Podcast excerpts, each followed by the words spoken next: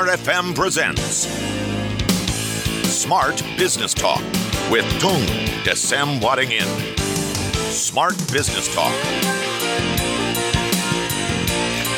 Indonesia selamat pagi, apa kabar Smart Listeners dan juga sahabat Sonora Network di seluruh Indonesia Hari ini Daryl Adam kembali menemani aktivitas Anda di satu jam ini Ada banyak hal yang akan kita pelajari hari ini termasuk kita akan diajarin gimana caranya nagih utang Yang betul-betul sistemik dan juga paling apa? efisien efektif paling sesuai dengan efisien kategori efektif masing-masingnya. Oke, sesuai dengan kategori masing-masingnya. Nah, ini jadi posisinya sebagai seorang debt collector tuh harus bagaimana gitu ya. Saya bersama dengan Pak Tung Desa Baringin. Pagi Pak Tung. Pagi yang dahsyat. Gimana gimana Pak Tung? Kenapa penting gitu loh punya teknik nagih utang? Jadi ternyata itu kalau anda search di Google banyak sekali sih wah teknik-teknik menagih utang. Tapi menurut saya kurang sistematis. Hmm, Jadi tidak sistematis karena tidak membedakan kategori orang yang utang kepada anda itu seperti apa. Oke. Jadi pokoknya nagihnya harus gini, harus gini, harus gini. Ini nice, nice, nice, good. Caranya fokus ke cara nagih terus. Tapi sebetulnya kalau mau sistematis itu tergantung dari kategori orang yang ditagih tadi. Harus ada kategorinya juga. Iya nih kategorinya kan pertama kali gini, yang utang kepada anda itu ada jaminannya enggak? No. Hmm, hmm, hmm. Per- Pertanyaan berikutnya jaminannya cover atau enggak? itu loh kalau enggak cover kan juga repot juga. Maksudnya cover tuh utangnya satu miliar, jaminannya 5 miliar, wah itu keren gitu. nah terus kemudian yang kedua punya kemampuan bayar enggak? Oke. Yang ketiga punya itikat baik enggak? Hmm, hmm, hmm. Nah, terus kemudian tentu saja yang keempat itu yang sangat penting ada ikatan hukumnya dengan benar atau enggak. Nah, Oke, oke. makanya kalau ngutangin, nah teknik teknik berhutang sebetulnya masih ada satu one round lagi ya, teknik ngutangin gitu ya. Hmm, teknik Jadi ngutangin. empat toh, teknik teknik berhutang kan kita yang utang. Hmm, Kemudian yang kedua kalau terlepas dari lilitan utang. Yang sekarang yang ketiga adalah bagaimana nagih hutang. Hmm, Yang keempat bagaimana Anda ngutangin. Nah, ini harus lengkap atau one round itu di Hmm, dalam bisnis kan sedikit banyak terkait dengan empat hal ini gitu ya. Hmm, Nah, sekarang kalau Anda yang ngutangi tentu saja alangkah baiknya tentu saja Anda memeriksa tadi toh ikatan hukumnya ada enggak. Hmm, Terus kemudian jaminannya ada enggak. Itikat baiknya orang ini karakternya gimana gitu ya. Hmm, Terus kemudian kemampuan bayarnya ada enggak. Bayarnya dari mana? No, bayarnya enggak jelas ya. Kapan-kapan gitu ya. Iya, iya. Nah, sekarang begini, misalnya contoh gampang. Pada waktu Anda orangnya ini sudah ada yang namanya punya jaminan, ikatan hukumnya kuat. Ikatan hukum itu yang kuat bagaimana? Ada beberapa macam. Kalau zaman dulu itu sering kali pakai kalau jaminannya properti itu dianggap akta jadi istilahnya bukan akta, perjanjian pengikatan jual beli PPJB. Terus sama kuasa menjual begitu ya. Nah, sekarang sudah mulai ditertibkan harus pakai pengakuan hutang. Oh, iya, Terus iya, iya. SKMHT surat kuasa memasang hak tanggungan. Tergantung. Jadi kalau utangnya gede banget ya langsung pasang hak tanggungan tuh paling aman juga gitu ya. Nah, tapi sekarang kan kita dalam posisi yang menagih dan posisinya memang sudah diikat hukum secara kuat. Kemudian jaminannya lebih dari utangnya, kemudian itikatnya baik, kemampuan bayarnya ada, cuma lupa bayar.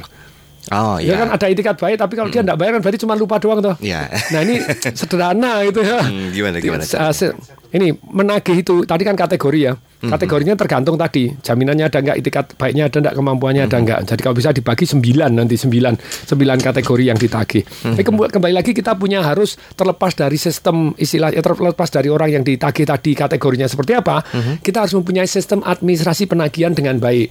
Oke. Maksudnya apa no? Kalau saya zaman dulu di bank itu kredit macet di tempat saya nol kok bisa gitu ya. Karena saya jauh lebih sistematis daripada pimpinan-pimpinan bank yang lain. Hui.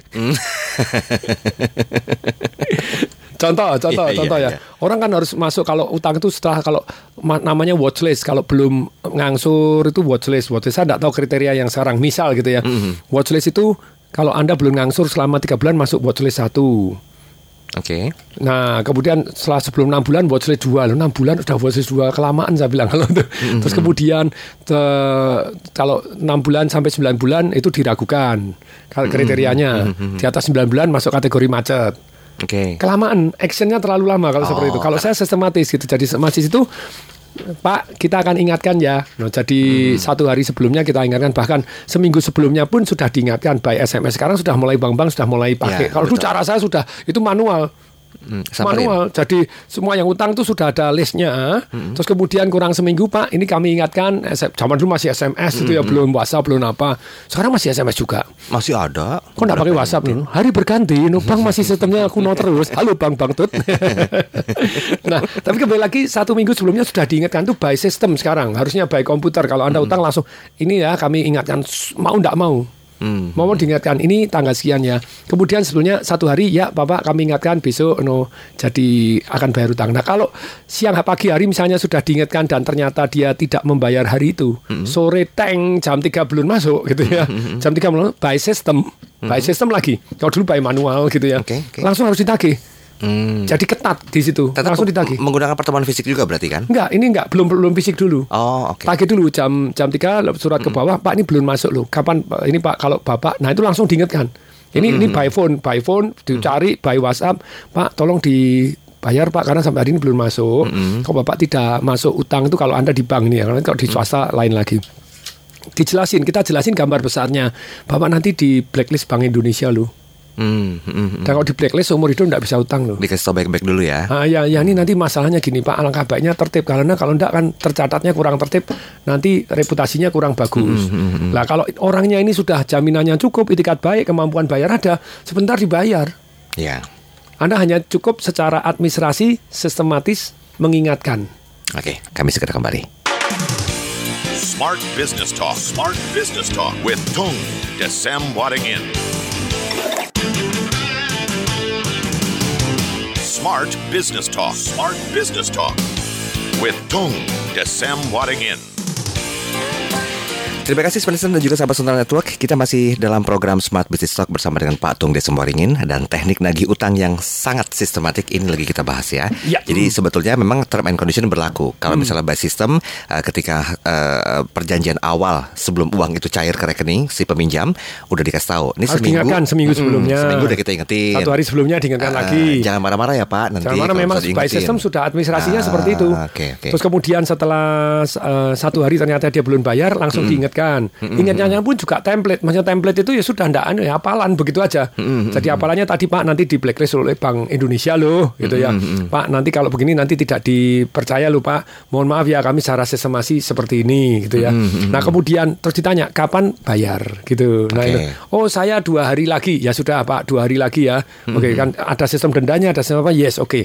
Pada waktu dua hari ternyata nggak dibayar, Pak ini tidak bisa seperti ini gitu ya. Kalau seperti begini, sistem prosedur di perusahaan kami akan ada surat resmi dari lawyer kita Pak untuk mengingatkan. Hmm, hmm, hmm, hmm. Jadi langsung kirimin surat mohon maaf loh kita ini semuanya tertib administrasi. Surat lawyernya ingatkan. Hmm, hmm, hmm. Jadi itu itu kalau anda perusahaannya besar dan banyak ngutangin kan gitu ya. Nanti kalau silakan. Setelah anda kirim surat dari lawyernya dan lawyer itu kalau zaman dulu saya di bank pada waktu itu lawyernya itu bayarnya murah sekali. Kok bisa? Karena saya punya perusahaan pada waktu dikerja di perusahaan yang besar. Bilang kamu nggak mau jadi lawyer di bank ini yang besar ini? Mau? Setiap bulan saya bayar ya 150 ribu. Hmm. Tapi kamu juga boleh ngaku saya lawyernya bank ini. Oh, oke. Oh jadi kan namanya jadi keren toh. Mm, iya, iya, jadi iya. dia jadi lebih ngetop toh. Oh ini saya nih sekian ini saya jadi lawyer saya lawyernya perusahaan ini. Jadi anda boleh ngaku itu jadi everybody happy. Terus setiap surat nanti dihargai berapa. Jadi sistematis juga bukan terus deal-dealan sama lawyernya harus bayar mahal enggak. Setiap surat itu sudah template suratnya. Kirim jebret itu template. Template itu sudah ada sk- skripnya begitu ya. Setelah dikirimin lawyer bahwa anda alangkah baiknya bayar begini itu tindakan serius. Oh, Nah, oke. eh, satu bulan Pak, mohon maaf loh, kata sampai satu bulan sudah sudah suratnya gugat pengadilan sudah hmm, gugat pengadilan sudah gugat pengadilan. Jadi suratnya sudah somasi masukin ke pengadilan sudah. Hmm, hmm. Tapi itu Jadi belum belum satu tahun, Ah, nggak usah nunggu iya, satu iya. tahun, satu tahun keburu orangnya lari kayak keburu. ke- gini nih, kalau sudah orang sentik-sentik nggak bisa bayar, siapa yang kenceng nagihnya dia dibayar daripada yang on-on. Hmm.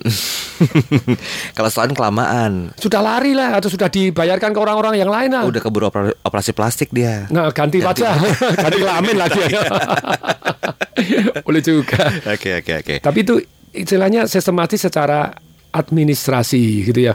Setelah lawyer ya sudah gini. Jadi kemudian pertanyaannya berikutnya. Nah, kan kategori yang ditagih tadi. Kalau misalnya jaminannya bagus, itikatnya baik, kemampuannya nggak ada. Apa yang dilakukan?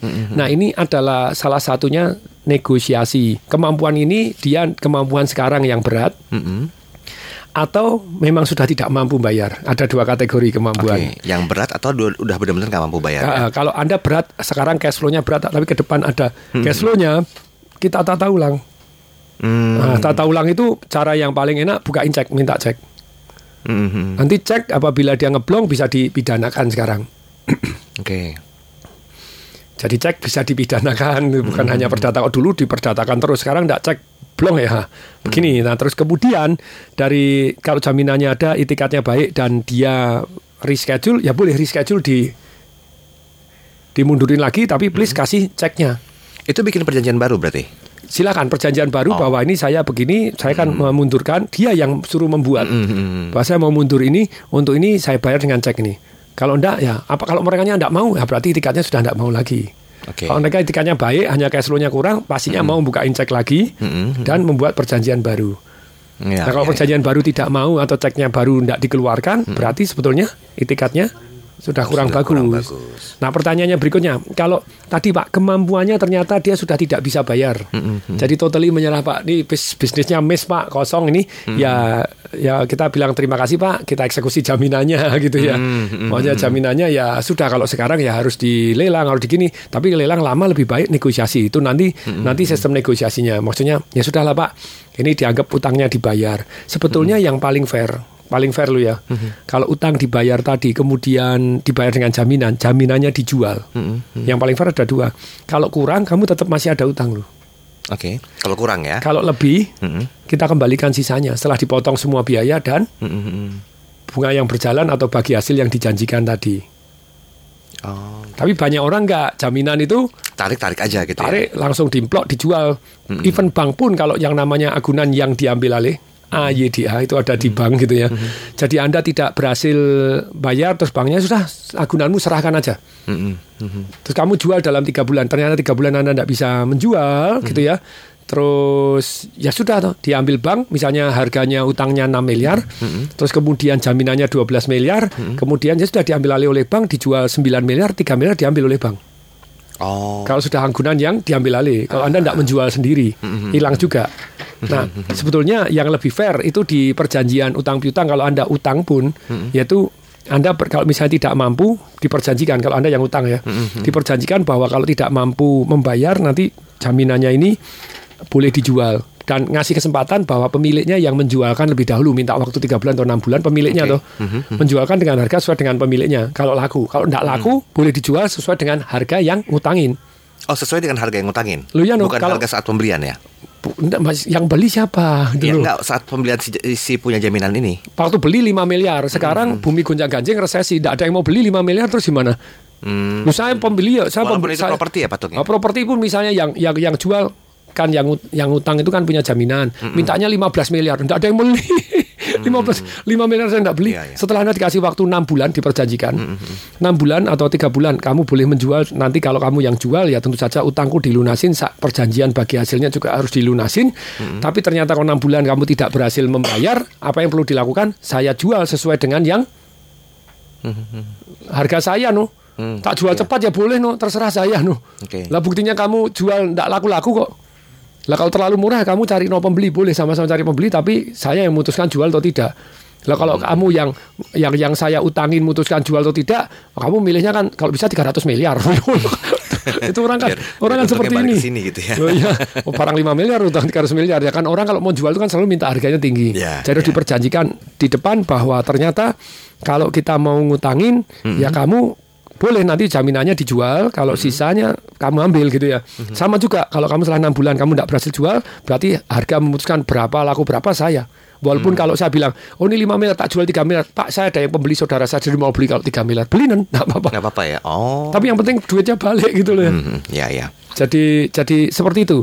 Nah, sekarang pertanyaannya berikutnya. Ini yang terjadi gitu ya, yang paling parah. Ngutangin tidak pakai jaminan, Mhm, tidak ada ikatan hukumnya. mhm. Terus kemudian orangnya tidak mampu bayar, itikatnya jelek lagi. Dari kasih ngutang giliran ditagih ngamuk-ngamuk lagi ya.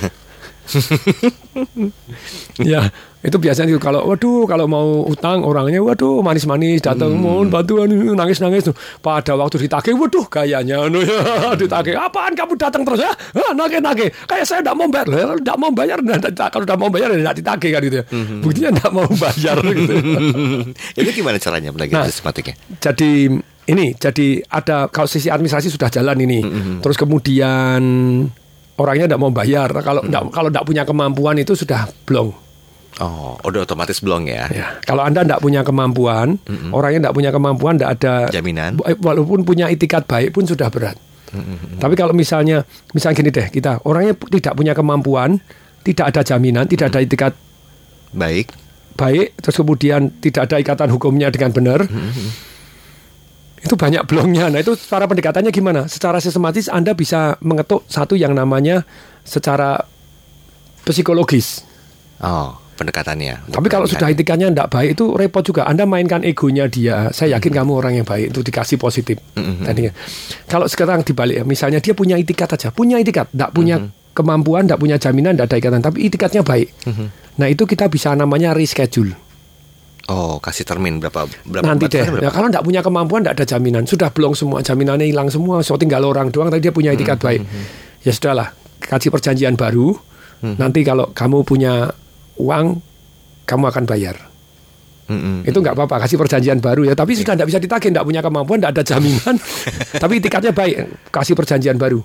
Nanti kalau dia punya uang nanti kapan kap kapan kapan kita berjumpa lagi.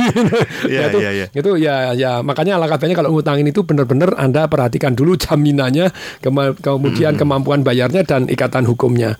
Nah, kalau sekarang ternyata dia sudah memang betul-betul empat tadi tidak ada ya hukumnya tidak ada jaminannya tidak ada itikat baiknya tidak ada kemampuannya tidak ada ya kelihatannya yang satu ini Ikhlasin aja udah. ada dua jurus doang Oh, gitu ya Yang pertama. ikhlasin atau cemplungin wes itu aja Sekejam itu ya. Loh iya dong ada ada yang ada yang memang itikatnya memang dari awal mau ngemplang Oh, Oke. Makanya pada waktu untuk ngatasin seperti ini gimana?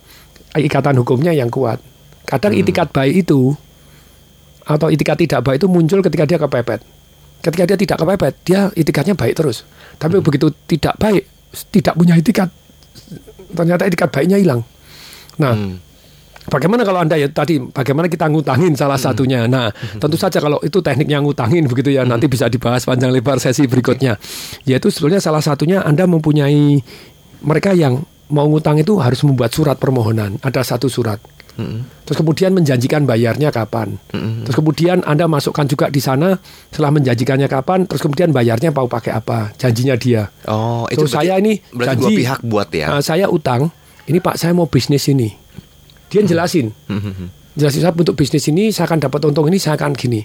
Nah itu Anda bisa ikat bahwa saya semata-mata membantu Anda itu karena surat penawaran Anda bahwa betul Anda akan melakukan bisnis ini, bisnis ini, bisnis ini dan akan mendapatkan keuntungan ini.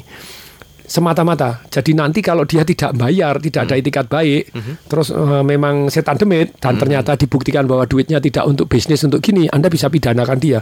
Namanya Oh. bujuk rayu dan penipuan. Baik, baik, baik. Kita balik dulu Ya, cemplungin aja kalau yang memang sudah itikatnya. Kalau itikatnya baik sudahlah diampuni, dikasih schedule gitu ya. Siap, Tapi kalau itikatnya tidak baik, sudah ngutang, galak lagi, terus kemudian nyebelin lagi, marah-marah lagi, malah yang ngutang kirim preman loh, yang yang ngutangin, yang diutangin malah ngirimin gini. Ya wes ya cemplungin aja tuh kalau yang tidak ada itikat baik. Kalau itikatnya baik masih diampuni lah gitu Baik, ya. baik. Kita break dulu. Tetap bersama kami. Smart Business Talk. Smart Business Talk with Tung Desem Wadingin. Smart Business Talk. Smart Business Talk with Tung Desem Wadingin.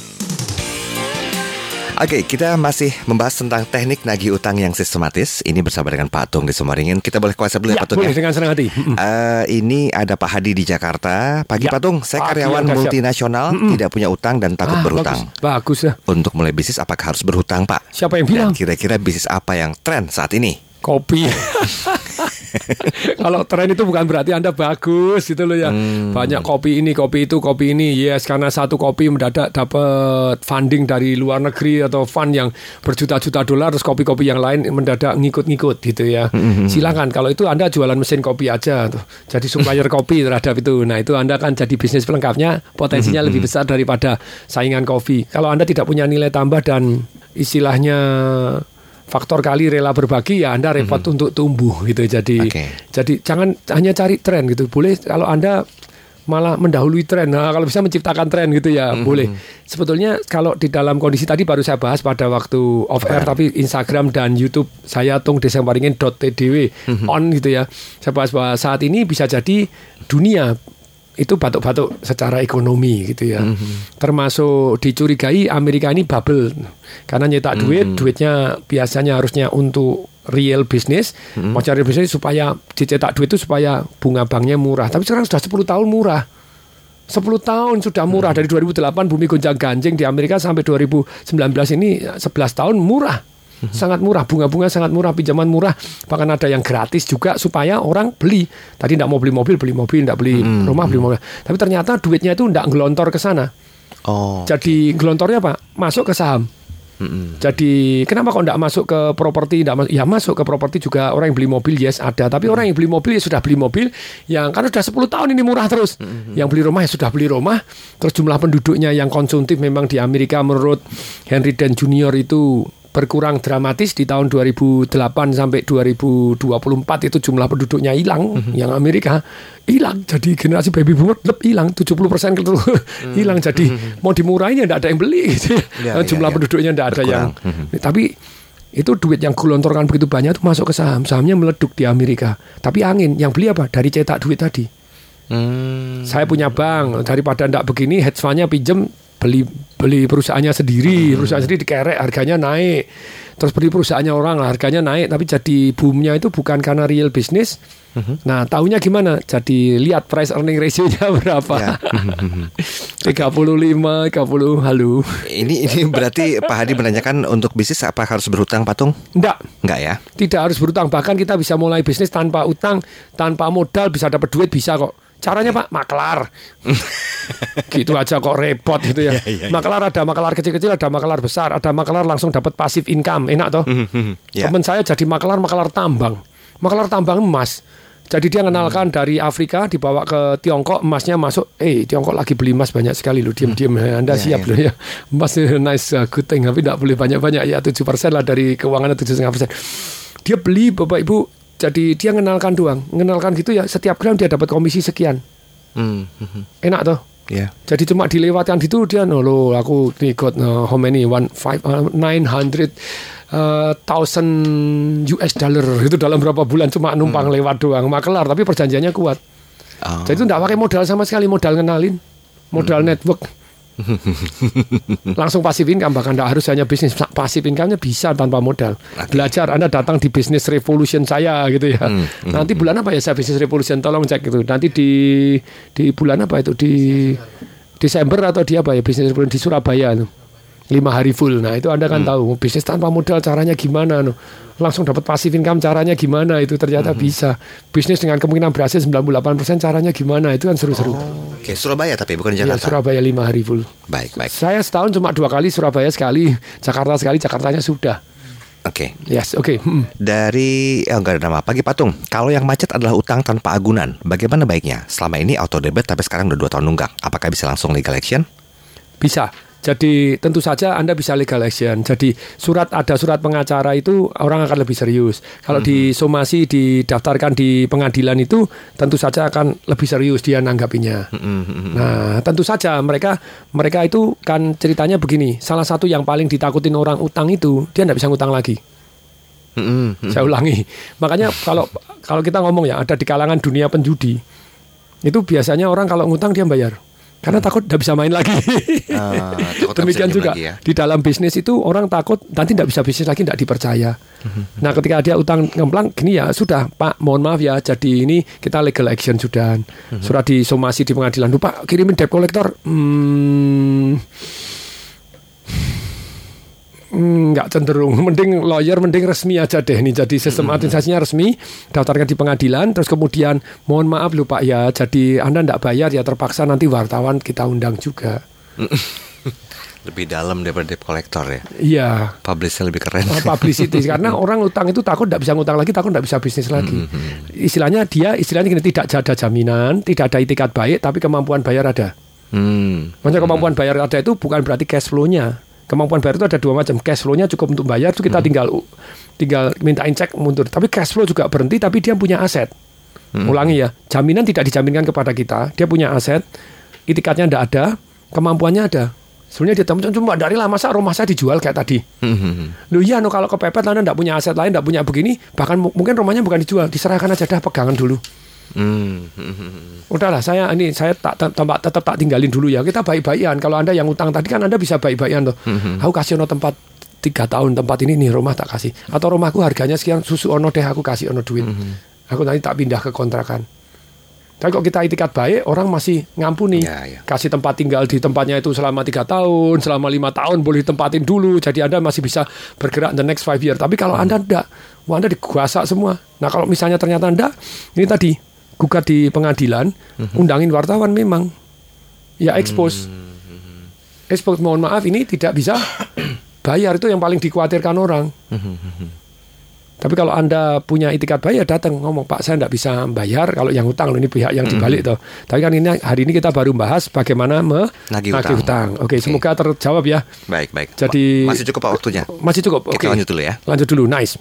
Jadi berikutnya ini tadi kalau Anda yang namanya kategori yang ditagih tadi adalah itikatnya baik, kemampuan bayarnya ada, Mhm. tapi jaminannya tidak ada.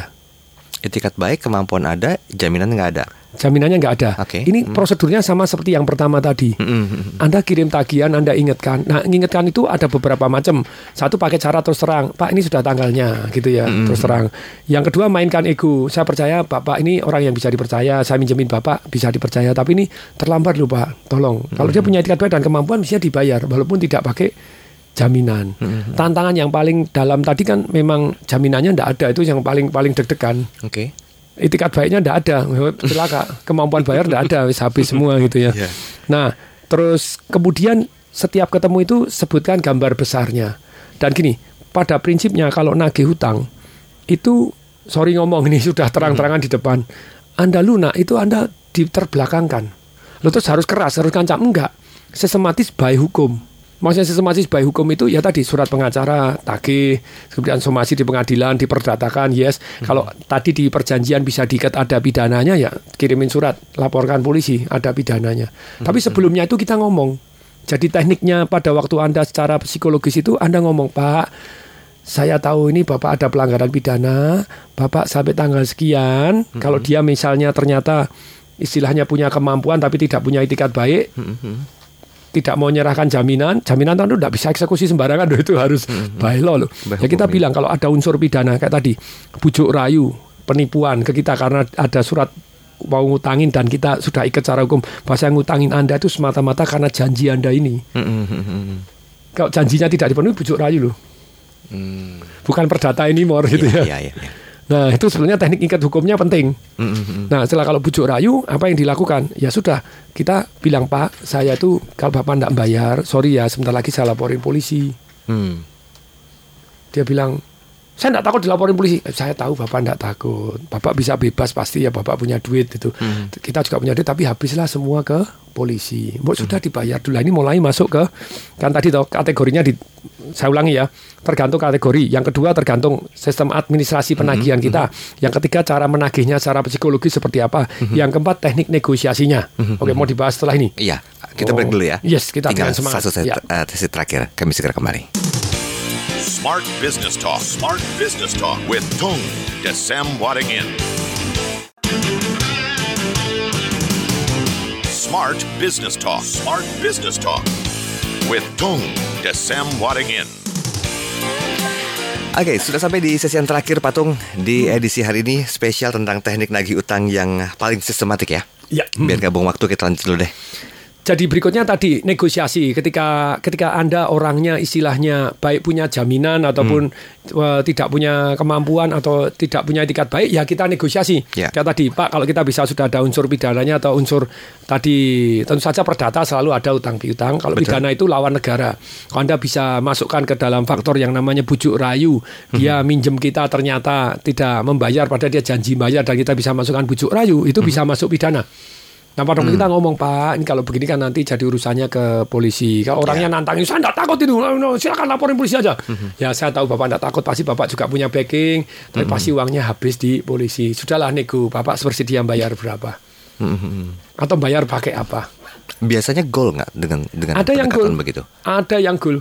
Zaman dulu kakak saya kelilingan itu pada waktu itu tidak bisa nagih, saya yang suruh nagih. Saya bilang kuasakan saya hutangnya, wes pokoknya tak boleh tertagih berapapun wes ambilan 20 persen. Saya bilang cocok sini ya, tertagih berapapun loh ya karena sudah tak tertagih. Kata lu, Pak punya apa Pak? No, saya tanyain gitu aja. Oh saya ini ada Grand Civic 4 pintu no ya. Pasarannya itu harusnya cuma 39 38 juta.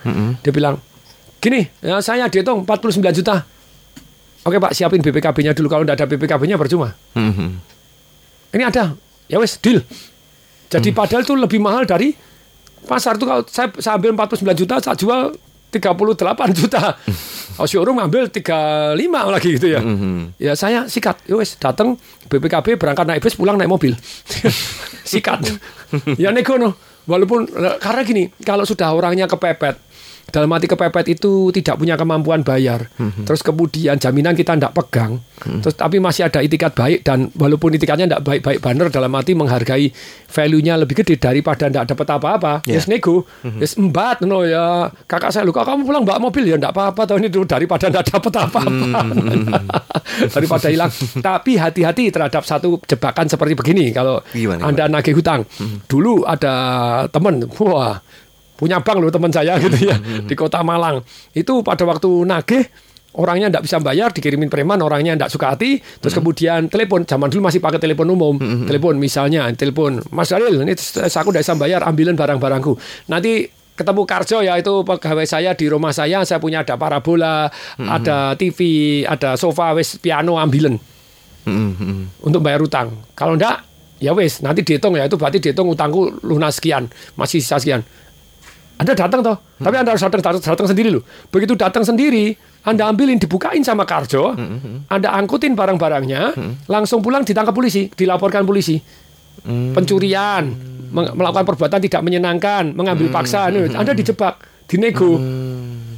Lah ini problem gitu ya. Polisi dilapori ya senang-senang aja, no, ya. ditangkap gitu ya. Walaupun menurut saya ini jurus yang tidak etis gitu ya. Tapi pernah terjadi juga ya itu Oh ya ya? bukan sekali Ha, dunia yang wajar gitu ya. bukan wajar yang umum yang terjadi. Saya Ya, dulu ya, kan ya. ikut LBH, saya kan dulu pengen jadi pengacara. Mendadak hati kecilnya tidak sampai itu gara-gara banyak hal-hal yang seperti ini. Hmm. Problem gitu ya. Jadi dicarikan kesalahannya secara pribadi. Jadi kayak sama Anda Anda, anda apa nagih utang terus kemudian Anda didorong-dorong terus yang nagih mukul Anda. Nah, terus divisum terus dipidanakan, mukul no. Nah, mau lunas atau nah, jadi mukul sekali utang jadi lunas deh. Waduh rugi bener. Iya iya iya. iya. Jadi tak boleh ya angka baiknya Anda pakai jalur hukum gitu. Oke. Jadi jangan disuruh ngambil gitu. Oke, kalau Anda bayar pakai barang, ya Anda namanya menyerahkan. Dengan ini secara sukarela harus ada suratnya dulu gitu ya resmi tertaka ada saksinya dua bahwa saya menyerahkan barang ini sebagai bagian dari pembayaran hutang Hutang. saya no tanpa paksaan dalam kondisi sehat. Dan itu pun pada waktu di video ataupun di foto itu ya harus tidak boleh merengut. Hmm. hati-hati woi. Kalau orangnya ditagih pada waktu walaupun saya nulis dengan sukarela dengan ini kemudian ada videonya ada orangnya kelihatan busam tertekan cilaka itu. Bisa diperkarai loh. Ini walaupun nulis tapi lihat videonya itu kan video sudah jelas-jelas tertekan Iya iya iya. nah itu itu kayak yang yang digebukin dulu itu loh yang ada yang ditangkap kemudian digebukin terus kemudian ada videonya terus kemudian nulis bahwa dengan ini saya tidak menuntut tidak bisa. Wajahnya tertekan wajahnya benjut begitu. Menyonyor gitu bilang tidak tertekan itu pasti dalam tekanan itu. Suratnya tidak berlaku. Yang berlaku videonya lihat itu. Pada waktu nulis itu kan wajahnya nyonyor dan aku tertekan sedih takut. Ya ya sudah Jadi be careful begitu ya. Saya ulangi lagi kita simpulkan dalam the last five minute ini gitu ya. Yeah. Jadi kalau Anda mau nagih hutang secara sistematis, memang alangkah baiknya sebelum ngutangin itu Anda mengikat dengan baik secara hukumnya. Set- Ada penawarannya dulu dia menawar Pak saya memang hutang ada suratnya mohon hutang dan janjinya seperti apa. Jadi dengan ada surat ini, kalau dia tidak memenuhi bisa masuk ke bujuk rayu, masuk ke pidana. Oke. Tertib administrasi. Kalau misalnya enggak, ya enggak apa-apa. Ini teman baik kok Pak ya alangkah baiknya tetap ada jaminan, ada kemampuan dan karakter orangnya baik. Nah kalau misalnya jaminan ada, karakternya baik, kemampuannya ada, caranya gimana? Tinggal diingatkan secara administrasi. Oke. Seminggu sebelumnya kita kirimin, satu hari sebelumnya kita kirimin, dan kalau sudah jam 3 sore belum masuk, kita teleponin, Pak ini belum masuk Pak. No. Oh iya besok besok besok. Oke besok saya ingetin lagi Pak ya.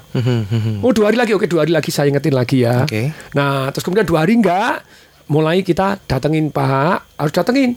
Ketemu semaksimal mungkin enggak ketemu ya WA Pak kalau ini nanti di blacklist BI lo, nanti Bapak kalau begini masuk urusannya jadi perdata urusan begini jadi enggak enak. Lu saya tuh enggak gini. Ya Bapak kan sudah dua kali luput tadi harus hari H, janji dua hari enggak bayar lagi. Ini kan harus ah, kalau dia itikat baik diingatkan gitu aja biasanya bayar. Langsung bayar.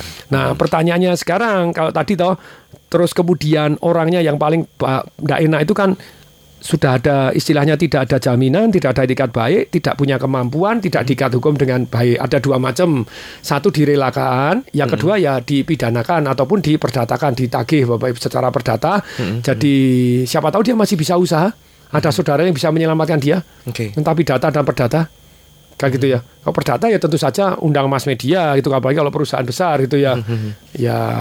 Kemudian berikutnya kalau misalnya tidak punya jaminan, tidak punya kemampuan bayar dan ternyata itikatnya masih ada. Tapi tidak punya kemampuan sama sekali. Kemampuan itu ada dua, Mas ingat. Kemampuan nyicil sama yang namanya punya aset. Tidak punya aset, tidak punya kemampuan nyicil. Ya sudah, karena orangnya itikat baik, baik-baik, ya dikasih surat perjanjian baru. Kalau nanti saya punya uang lagi, saya wajib membayar, gitu ya. Nanti. Nanti itu itikatnya baik, oh tidak baik, sudah tidak baik, nyebelin lagi ya sudahlah diperkarakan gitu. Nah sekarang pertanyaannya berikutnya, secara sistematis kalau orangnya tadi jaminannya ada, kemampuan bayarnya tidak ada, itikatnya baik, itu negosiasi. Negosiasi jadi tidak perlu eksekusi dilelang dulu, terus kemudian di ini negosiasi. Ya sudah ini jaminanmu lebih seperti ini, kamu jual dulu deh dalam kamu tak kasih waktu enam bulan. Ya kalau tidak cukup ya sudah ya nanti saya yang jual. Ada perjanjiannya gini kalau cukup waktunya kamu yang jual, nanti sisa misalnya utangnya tadi 10 miliar tapi jaminannya 20 miliar ya nanti dipotong biaya-biaya semua sisanya kamu ambil. Tapi kalau 6 bulan enggak, saya yang berhak menjual, saya yang menentukan harga. Tanda tangan, kasih Ya, kuasa ya. menjual. Sedangkan kalau saya bilang jualan cuma 3 miliar padahal harganya 10 miliar, ya kamu boleh beli. Hmm. Kamu boleh beli atau orang lain yang beli saudaramu suruh beli. Tapi ada waktunya tidak ada ya dijual lunasin utangnya. Kalau masih ada sisa dikembalikan, kalau masih ya tetap tanggung. Oke. Tuh, jadi seperti itu. Ya. Kemudian secara psikologis, Anda bisa mainkan egonya dalam arti kalau waktu nagih Bapak orang yang saya percaya gini. Kemudian kasih gambar besar, Pak. Kalau enggak, nanti kalau sampai orang lain tahu sampai begini kan jadi tidak enak. Kalau pidana, ini pidana loh. Kasih gambar besarnya. Kalau masih ada bisa dipidanakan. Kemudian ini perdata loh. Kalau perdata nanti masuk di koran, masuk di sini kan jadi tidak enak juga. Terus kemudian itu cara psikologisnya gitu cara psikologisnya. Kemudian berikutnya yang terakhir keempat itu kan tadi ya kategorinya sistem administrasi s- secara psikologis yang keempat negosiasi. Nah, negosiasi ini tadi dia sudah bayar berapa sih? Jadi kadang kita ambil jaminannya selesai, kadang kamu punya apa seperti tadi ada mobil sudah diambil selesai. Oh ya enggak utangmu tak kurangi separuh dengan bayar ini gitu ya. Tapi masih ada utang. Nah, Oke. apa yang bisa diambil diambil dulu negosiasi. Oke. Terima kasih Spanisan dan juga sahabat saudara. Saya Daril Adam. Tong Desem Waringin. Salam dahsyat. That was Smart Business Talk with Tung Desem Wadding In. Brought to you by Smart FM Network.